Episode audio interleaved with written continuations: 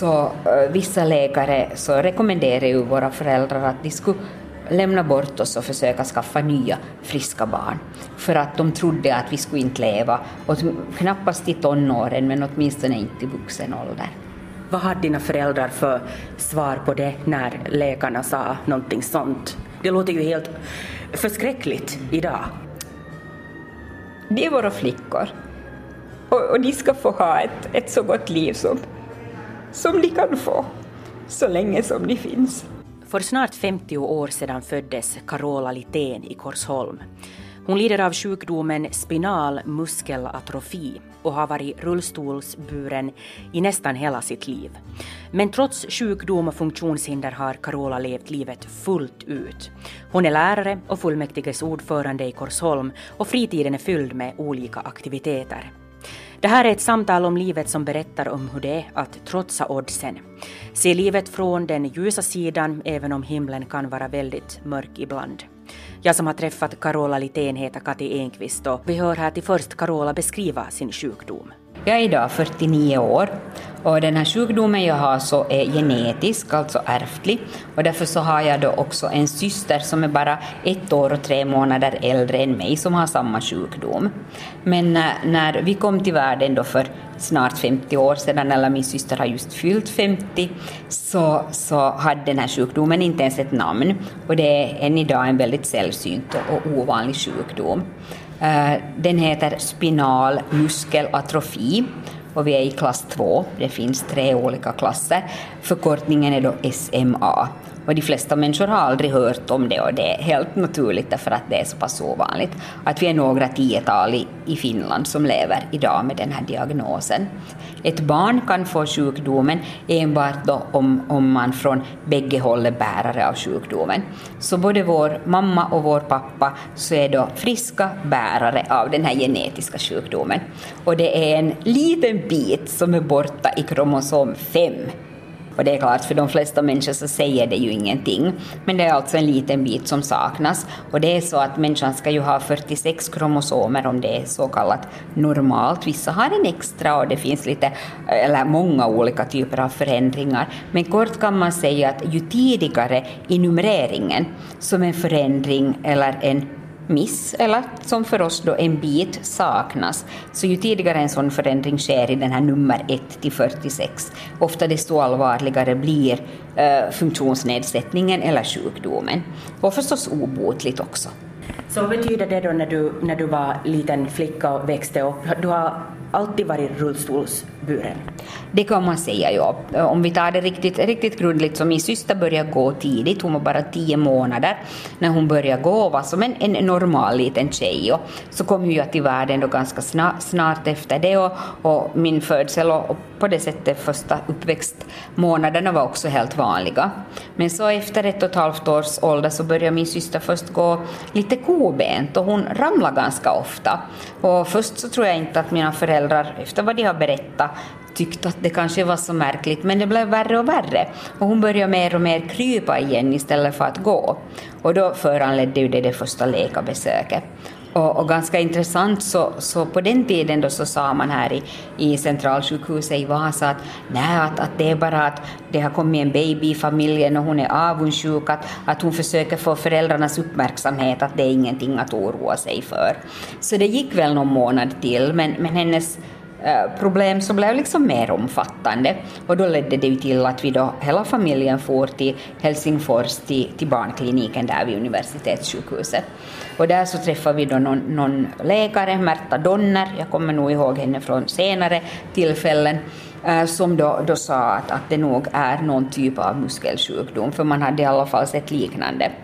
Och eh, vi bollades förstås mellan, mellan Vasa och vi var flera gånger till Helsingfors och på min syster så drog de ut en tand för att få nervtrådar eller nerv, nerver då att, att undersöka och så skar de bort en liten muskelbit i hennes lår för att man behövde material då för att kunna se att vad är det här. Jag hade tur på det sättet att jag var mindre så att man nöjde sig med att ta av henne. Men ganska intressant, jag har talat väldigt mycket med mina föräldrar om det här när jag blev vuxen så eh, vissa läkare så rekommenderar ju våra föräldrar att de skulle lämna bort oss och försöka skaffa nya friska barn. För att de trodde att vi skulle inte leva, och knappast i tonåren men åtminstone inte i vuxen ålder. Vad hade dina föräldrar för svar på det när läkarna sa någonting sånt? Det låter ju helt förskräckligt idag. I dagens läge så tycker man ju att det där låter som något på 1800-talet. Men, men tyvärr så, så, tror jag att det var ganska vanligt och läkare har ju kanske blivit kända, eller ökända för att de inte har så psykologiskt djupsinnigt kanske den här kontakten till sina patienter och, och deras anhöriga. Men eh, vi har många gånger också sagt det att, att hos oss var det väldigt tur att min pappa är betydligt äldre än mamma och mamma var ju bara 20 år då hon fick Annika och hade just fyllt 22 då jag kom till världen. Så för en ung kvinna så måste jag har försökt tänka att det måste vara en fruktansvärd nyhet att, att dina barn kommer att bli helt beroende av hjälp så länge de lever och de kommer att dö väldigt, väldigt tidigt eller ja, i alla fall inte, inte leva ett så långt liv. Att det måste ju vara otroligt eh, svårt att få ett sådant besked. Men min pappa som då var äldre och hade egentligen en, en väldigt aktiv och, och, och eh, mm, ganska lång idrottskarriär bakom sig och hade hunnit kanske växa och mogna på flera sätt och pröva sig själv ganska hårt också genom både, både sjukdomar och sånt som han var med om. Så, så han sa att, att ja, men, men det gör ingenting, att, att det, det är våra flickor. Och, och de ska få ha ett, ett så gott liv som, som de kan få, så länge som de finns. Och, och det där var som en, en på något sätt. Eh, det var väldigt klokt. Jag brukar säga, jag som själv har studerat pedagogik och, och så här, så att mina föräldrar de hade aldrig chans att gå i någon skola för att de var ju födda och uppväxta då i, i fattig-Finland. Då. Åtminstone min mamma skulle ha velat studera men det var inte möjligt utan när man var 14 började man jobba. Så jag brukar säga att man behöver inte alltid ha utbildning för att liksom vara klok. Mm. Mm. Så att, att, på det sättet så, så tycker jag att, att ja, jag och Annika, vi hade nu världens tur som fick komma till ett, ett hem där man såg, såg liksom möjligheterna istället för svårigheterna.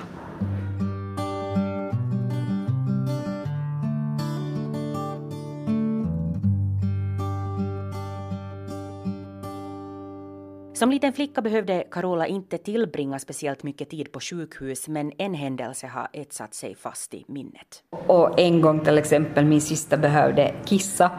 Och, och jag som, fastän jag är yngre, har varit kanske mer framåt och, och, och, mer liksom haft, haft det där att jag talade för oss båda när vi var barn, så ringde på och när någon äntligen kom så försökte jag säga.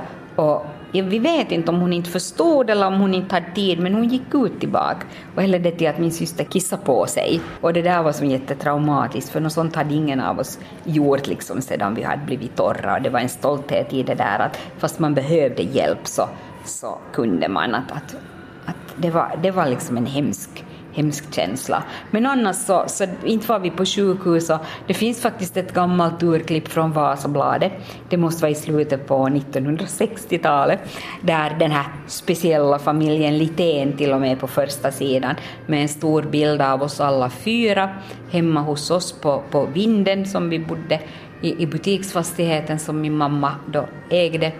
Och eh, där, där så säger, säger just min pappa också det här samma kloka att, att eh, inte tänker vi och planera på det utan de ska få vara som vanliga ungar och, och de ska få leva ett vanligt liv. Och, och, det gjorde vi alltså. Vi var ute med, med de jämnåriga kompisar som fanns i byn och, och det är så märkligt för jag har försökt tänka på att när blev jag så medveten om att jag är annorlunda? Och jag kan inte komma på någon sån tidpunkt, för att jag har alltid varit som alla andra egentligen till vuxen ålder nästan. Att, att hela barndomen så, okej, okay, det där vet vi ju att det blir kanske ett, ett, ett lite rosa skimmer då man tänker bakåt, för man glömmer en del kanske. Men, men eh, ungarna tog oss för det vad vi var och våra föräldrar gjorde det och, och ibland hade släktingarna någon tendens att de tyckte att mamma var för hård mot oss då hon krävde att vi skulle diska och hjälpa till hemma med vad vi kunde. Att, att de tyckte att man borde skämma bort oss mer. Och det hade de bestämt från början att det ska, det ska de inte göra. Och det är jag evigt, evigt tacksam för. för det var det bästa som hände. Att vi inte blev bortskämda utan att vi var tvungna att hela tiden pröva våra gränser och, och utmana oss själva och se hur långt de här förmågorna då kunde räcka till. Det har varit otroligt bra. Du sa att eh, som barn så upplevde ni inte er som att ni skulle ha varit annorlunda, åtminstone inte du Carola själv, eh, men att kanske som vuxen, vid vilket tillfälle så, så började du inse eller märka att du inte är som alla andra? Nu finns det små händelser, jag tror att jag var bara sex eller sju år faktiskt, men det var, det var egentligen något som för mig och Annika blev roligt. Men men vi fick den första rullstolen och vi hade då en tillsammans. För på den här tiden så var det ortopedias stora modeller. Du kanske kan hitta någon ännu om du går till någon bäddavdelning. De väger 25 kilo och är jättebreda och jättestora. Och vi var ju två små och smala flickor som dessutom såg helt friska ut i kroppen för vi har ju känsel och rörelseförmåga i hela kroppen. Så, så vi satt båda i den här och det var ju praktiskt för att mamma kunde ju bara föra en stol så att det där var bra. Men på den tiden så, så var det ju väldigt ovanligt att folk, speciellt barn och unga med funktionshinder rörde sig ute i samhället. Man var ganska mycket då ännu undanstoppad på något sätt. Och, och folk så, som tittade väldigt mycket. Och så kom folk ibland, eh, oftast nog äldre människor, så kom fram och frågade av mamma och jag minns den ena gången för då blev jag så rasande arg. Ge flickorna riktigt i huvudet, sa den här kvinnan. Och, och jag blev ju rasande arg, att vad menar den här människan?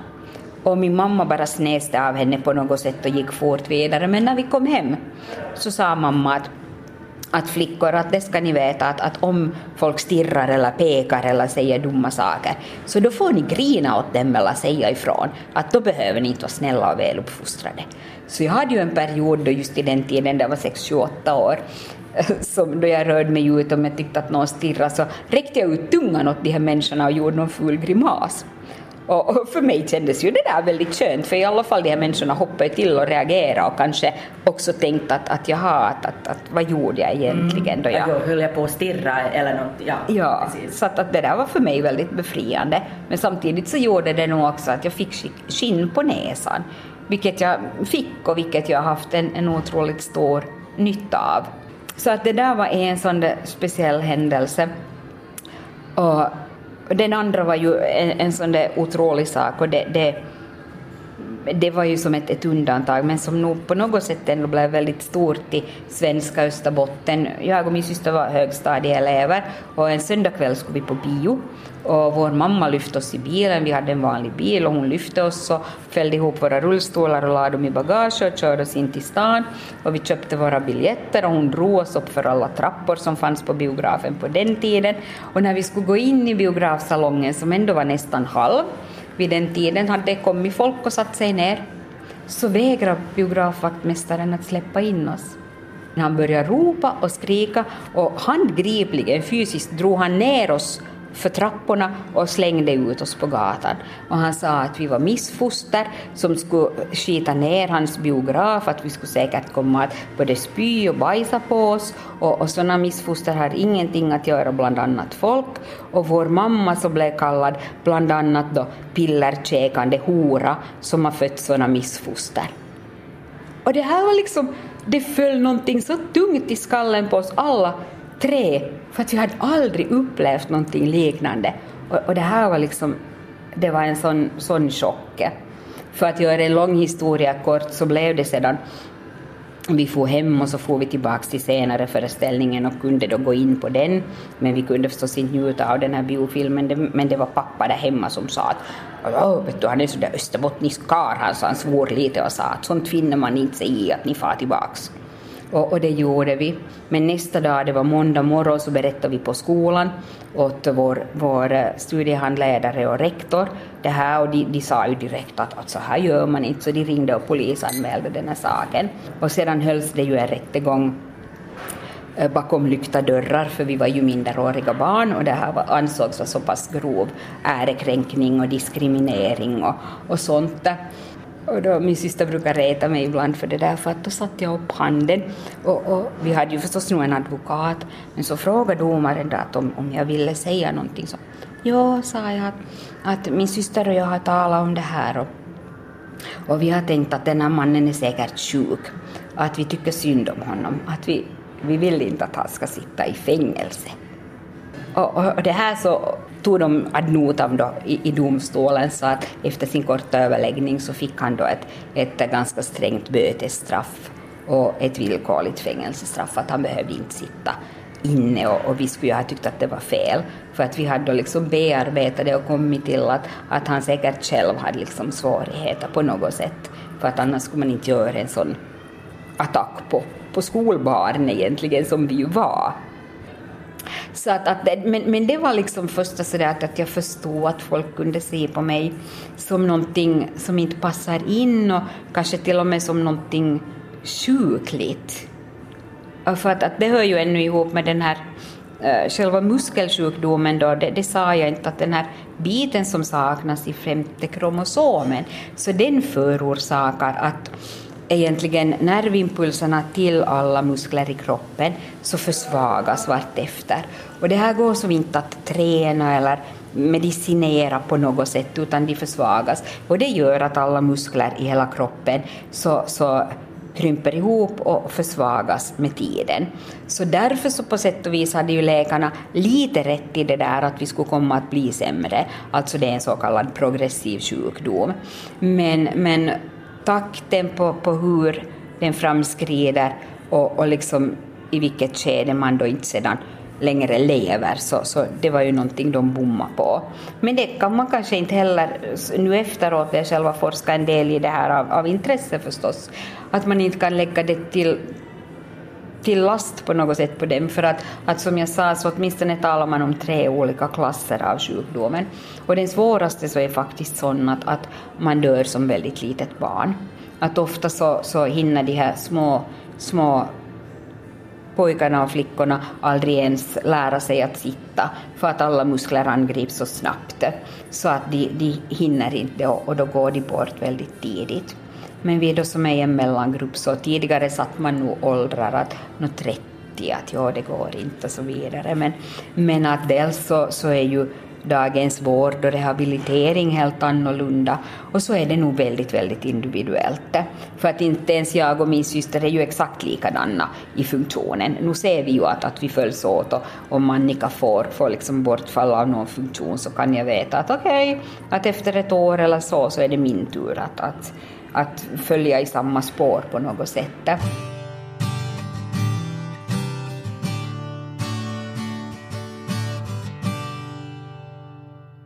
Carolas muskelsjukdom SMA påverkar hennes kropp mera och mera vart efter tiden går. Hon är beroende av andras hjälp men försöker klara sig så gott det går på egen hand. Idag är det ju så att, att den här muskelsjukdomen är väldigt omfattande så jag kan ju egentligen inte göra nästan någonting praktiskt alls. Alltså jag kan ju inte lyfta handen för att kamma mitt eget hår för att musklerna är så svaga. Så att jag tar ju mig fram och rör mig mycket på egen hand tack vare goda hjälpmedel. Alltså elrullstolen är ju det viktigaste. Så att om samhället då är, är tillgängligt så kan jag ju ganska många timmar klara mig ensam. Men som då jag skulle in här idag så var jag ju tvungen att vänta på att någon skulle öppna dörren. För en, en tung dörr så kan jag inte öppna själv. Och är det trappsteg och ingen ramp eller hiss så är jag förstås utestängd. Men eh, ja, som jag sa, jag har haft ett helt liv på mig att vänja mig. Så att jag brukar säga att det är inte... På något sätt så upplever jag inte som väldigt tragiskt att ha en svår muskelsjukdom, men det är tusan så opraktiskt. För att, att man behöver hjälp. Jag behöver hjälp väldigt många timmar om dagen. För att när jag ska stiga upp ur sängen på morgonen så jag vaknar av väckarklockan, men mera händer det inte. att Jag kan inte sätta mig upp i sängen, jag kan inte mera svänga mig ens i sängen. Så att jag är som beroende vid alla förflyttningar och, och allting sånt. Och, och tidigare när jag flyttade hemifrån så, så ville jag vara väldigt självständig, så visst försökte jag göra mat och koka kaffe och sådär, men, men det kräver ju ändå en viss styrka, alltså du ska kunna lyfta en kaffekanna eller en kastrull och allt sånt är ju helt uteslutet för mig idag. Det gör också att, att visst kan jag gå till butiken själv om jag bara märker att mjölken är slut, men, men då måste jag ha någon som lyfter den här mjölken åt mig och sätter den i min famn. Så jag kan ju komma hem med den men hemma får jag den ändå inte in i kylskåpet. Så att det blir som så väldigt opraktiskt. Mm. Du är väldigt eh, livlig när du pratar och du gestikulerar mycket med händerna och du använder dig mycket av, av ditt kroppsspråk. Har du tänkt på, och finns det risk för att, eh, att dina händer kanske inte fungerar lika bra som de gör nu mm. i framtiden? Ja, får jag hälsa på dig? Vi kan ta med vänster hand. Jag är vänsterhänt så jag är lite starkare. Ja. Nu ska jag klämma dig allt vad jag orkar, så skrik inte. Okay. Det, det, var... det där är bara det, Precis. så du märker att det finns nästan... Och jag skrek inte. Nej, nej, så, det, så det var inte, det var inte ett jättehårt Nej, det är ett väldigt svagt handslag egentligen. Att, att jag har som som inte just funktioner kvar. Men tekniken är ju, jag menar jag kan ännu bra, man vilar ju händerna om man har bra vid datorn så att jag skriver ju obehindrat, likadant med papper och penna, att finmotoriken fungerar men att det är de här kraftigare musklerna då som är helt, helt borta. Och som du ser så kaffe kan jag dricka, jag tar i det är en sån här större mugg det här så jag tar i med, med båda händerna för att få den upplyft. För att, att böja från armbågen uppåt går bra, men sedan att lyfta armen så fungerar inte till exempel. Så att, att man lär ju sig, man lär sig vad, vad som inte mera fungerar. Men det är klart, om man är hemma i, i sin hemmamiljö, jag, jag bor ju ensam, så om man håller på och läser en bra bok eller varför inte förbereda kommunfullmäktiges möte som man sitter med föredragningslistan och så tappar man den på golvet, ibland gör man ju sånt. Så bara, ja, okej nu är det tre och en halv timme tills min assistent kommer och jag får ju inte upp den där rackarns boken eller listan eller vad det då är jag har tappat. Så att, att visst kan det vara förargligt. Eller någon gång också förstås har jag tappat mobiltelefonen och alltså, ah, där är den nu sedan. Den kan man ju inte vara utan. Nej, exakt. Och då förstås börjar det ju ringa och ja. så hör man att man får sms och man bara och vem är det nu och vad vill de mig och vad är det? Så att eh, det var väl i somras tror jag som jag senast eh, nu råkade tappa mobiltelefonen och då var jag in, inloggad på min dator så skrev jag på Facebook att vem du nu är som försöker ringa mig och smsa mig så, så ja, jag är hemma men min telefon ligger på golvet så därför kan jag inte svara. Men om två och en halv timme får jag hjälp så då kan jag återkomma om du inte kan skriva till mig här på Facebook. Och så gick det tre minuter och så ringde det på min dörr. Jag tänkte, nej men vad roligt, någon kommer hit, jag väntar ingen. Och så var det grannen, en kvinna, som vars dotter har varit min elev för x antal år sedan i skolan och jag är Facebook-vän med dottern och hon hade sett att jag skrev att jag hade tappat min telefon så ringde hon till sin mamma och sa att, att hej Carola bor ju där i lägenheten bredvid dig att kan du gå in för hon har tappat sin telefon. Så hon ringde på och sa att jag hörde att du har tappat telefonen och jag bara ja tekniken är fantastisk så då fick ja. jag upp den så snabbt och, och kunde då börja. Precis. Så att, att men, men Eh, att ha en sån här svår muskelsjukdom, det är irriterande och det är opraktiskt. Och så det som det också delvis gör är att, att det, jag är en ganska sådär spontan människa och, och, eh, väldigt levnadsglad och vill hitta på saker och kan komma på att nu skulle det där vara roligt. Men, men det begränsas ju för att Ska jag fara ut till exempel så behöver jag hjälp, någon måste komma och sätta på mig skorna och jackan om det är så kallt att jag behöver ett yttre plagg. Ska jag lite längre bort så måste jag då beställa antingen någon som kommer och kör mig i min egna bil eller så förstås en Inva-taxi. Att det går inte liksom, vet du sådär om du får för dig att hej nu vill jag fara ut på stan så bara drar du på dig och sticker iväg. Men att, att det där förstås är ju begränsat. Men det är också sånt som man såklart le lever med på något sätt. Att det kan vara irriterande, ja, men att jag menar, man får bara vänja sig. Men jag har dåligt tålamod. Det, det är en av mina stora svagheter, att mitt tålamod är inte så bra. Och jag blir ibland väldigt irriterad nog på de här sakerna som sjukdomen ställer till.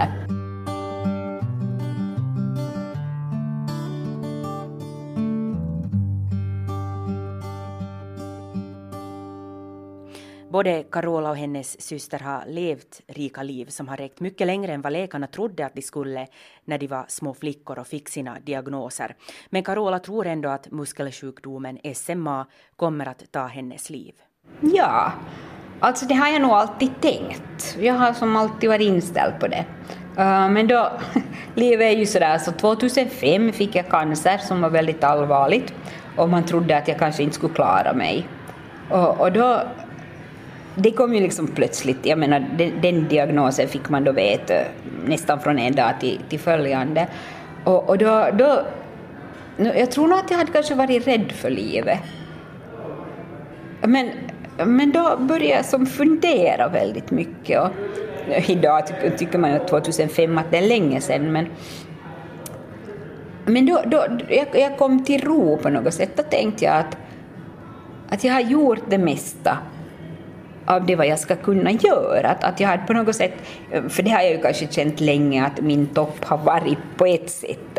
Alltså att då när jag kunde vara som mest aktiv och, och göra saker. Så att när jag åkte iväg till Tammerfors, dit jag blev då skickad hastigt för att, att bli opererad och behandlad, så, så, så var jag ganska tillfreds. Att jag tänkte att, att jag har gjort det, det var vad som var räknat att jag ska göra.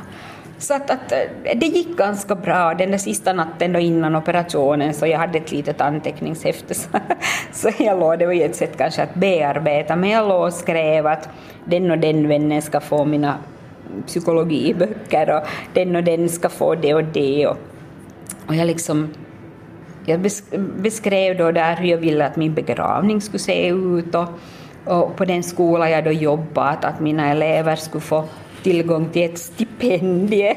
Det var kanske lite pretentiöst, men, men jag tänkte att som, som någonting lever kvar, att jag har ju alltid haft då samhällsengagemanget och, och, och ett av de ämnen jag undervisar i så är ju då samhällslära. Så att, att jag tänkte att de som då är intresserade av samhälle och politik så skulle kunna få ett stipendium, att inte en massa blommor, fast jag gillar blommor, men, men att man skulle göra på det sättet. Så det där skrev jag till och med vilka sånger jag ville att, att mina elever kanske skulle kunna vara med och sjunga på den här begravningen. Och så, jag är ju envis som tusan och, och jag hoppas till mångas glädje, men till, till en dels kanske olycka nog så blir det ju inte av med mig så lätt, inte slipper de mig i politiken jag biter mig fast. Så, så jag blev ju frisk. Och, och det där var ju förstås jätteroligt och, och, och äh, men då kände jag ändå att, att, att jag hade bearbetat det där. Så att, att idag är jag inte på något sätt... Äh, alltså det finns ännu saker nu jag, jag känner att jag vill göra, men, men samtidigt så... Nåja, jag vet inte, jag fick äh, cancer igen 2007 och blev frisk igen. Och, och, faktiskt för tillfället så väntar jag på undersökningar, man vet inte vad det är, men, men man har hittat någonting som växer i min lever. Så att i början på december ska jag in på ett antal undersökningar. Men eh, jag är väldigt lugn inför det, det känns inte liksom som, och det kan ju vara vad som helst, det finns ju så många eh, åtgärder eller möjligheter att åtgärda förstås, så det finns också godartade växter och tumörer. Och, så att inte, inte jag för egen del, men för min familj, för att de är ledsna över det. Men ja, jag vet inte, så på, på något sätt så är det jag tror att jag har, alltså det är klart det är många saker man ångrar i ett liv kanske, men jag tror ändå att jag har gjort en hel del av det vad jag ville göra.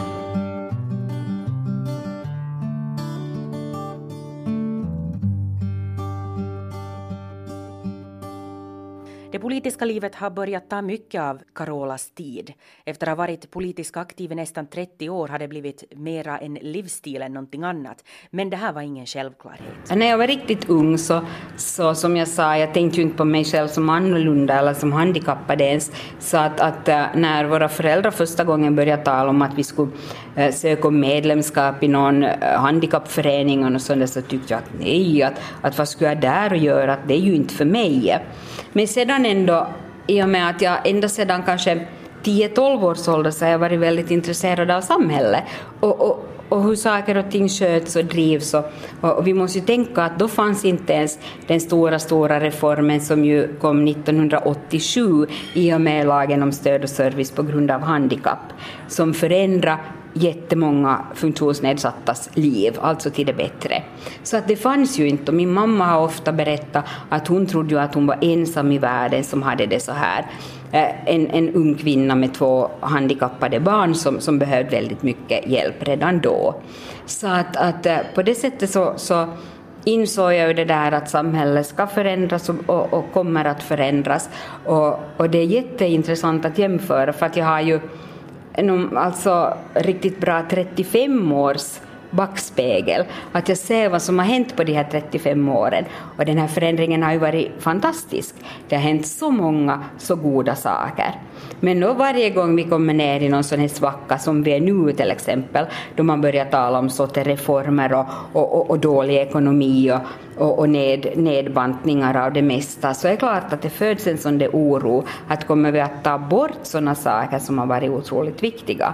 Att, att det finns ju, och därför så har jag ändå det där att, att jag måste vara, no, vara, vara med på något sätt och, och måste bevaka och, och vill följa med vad som händer. För att den här uppgången, det tog ju länge, inte var det ju någonting som kom över en natt inte, men, men de här stegen ditåt var ju väldigt fantastiska och, och vi hör till de länder i världen som nu har ändå bland, bland det bästa. Det är klart att jag lätt kan räkna upp fem eller tio olika sektorer där det ännu inte fungerar bra, men, men att totalt sett så har vi, har vi nått en, en bra standard. Och det är klart att inte vill man ju då att det ska monteras ner.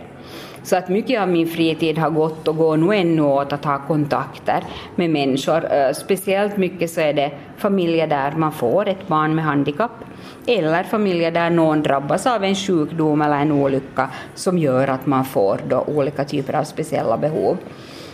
Och, och fastän den här lagen har funnits länge och den borde vara känd så många, många som drabbas, så klart, dels är det ju chocken när man får veta kanske någonting sånt där svårt, att man inte kan ta till sig information, men också det här lite typiska finländska byråkratiska samhället, att vi är inte tillräckligt bra på att informera på ett positivt och, och givande sätt. Så många människor upplever att de får inte den hjälp de tycker att de behöver och som jag vet att de har rätt till.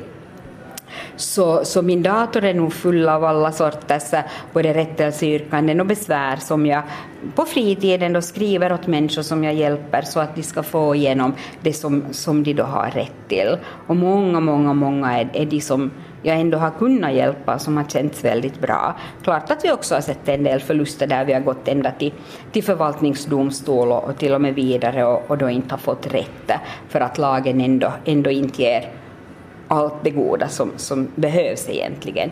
När jag pratar med dig Carola så verkar det som att du har inte på det sättet ändå låtit din sjukdom vara något stort hinder för dig. Du har ändå gått efter det som du har velat ha och, och så vidare och lyckats i, med din karriär och, och, med familj och vänner och så vidare.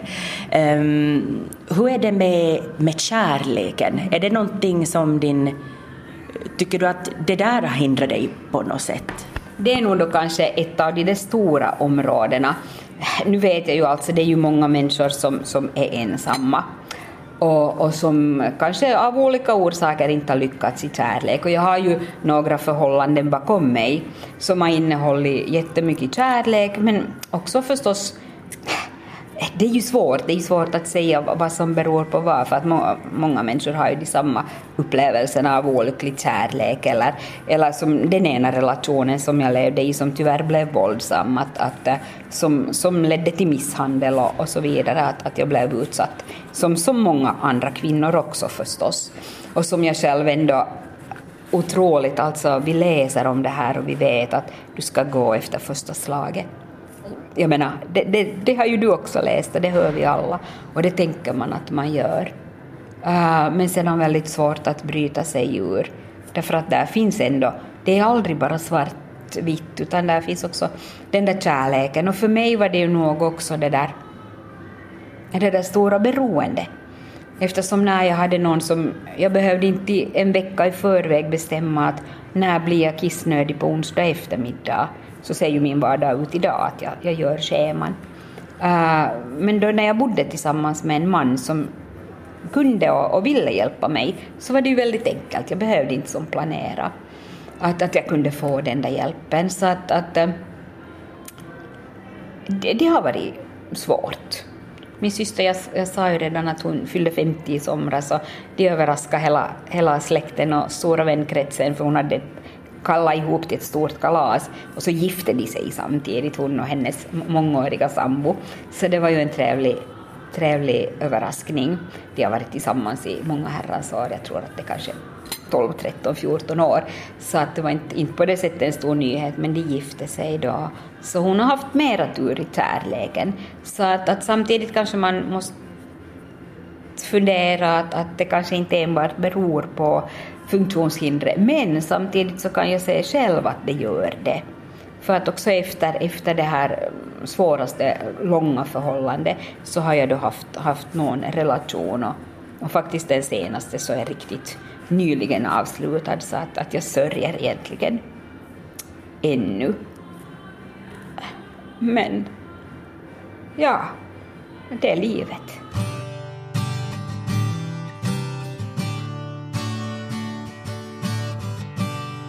I år var det första läsåret som Carola Litén inte fortsatte att undervisa.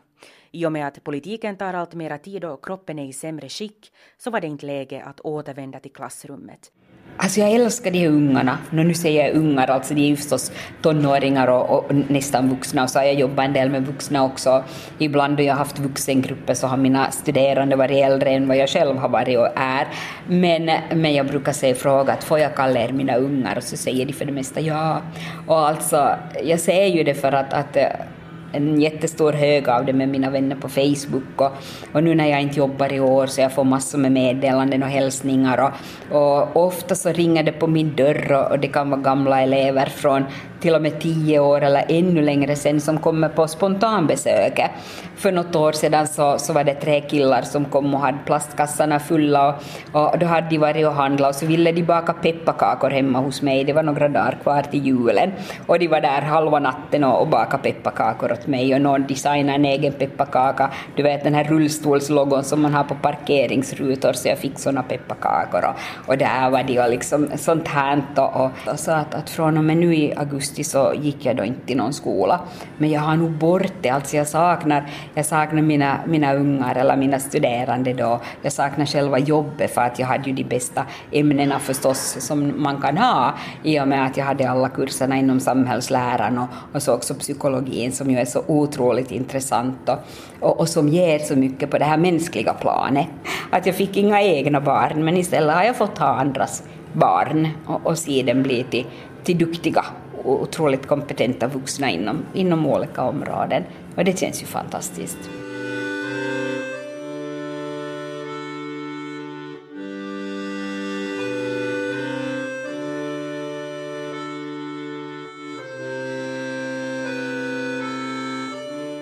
Du har lyssnat på Samtal om livet med Carola Litén och mig, Kati Enqvist. Vi hörs igen om en vecka.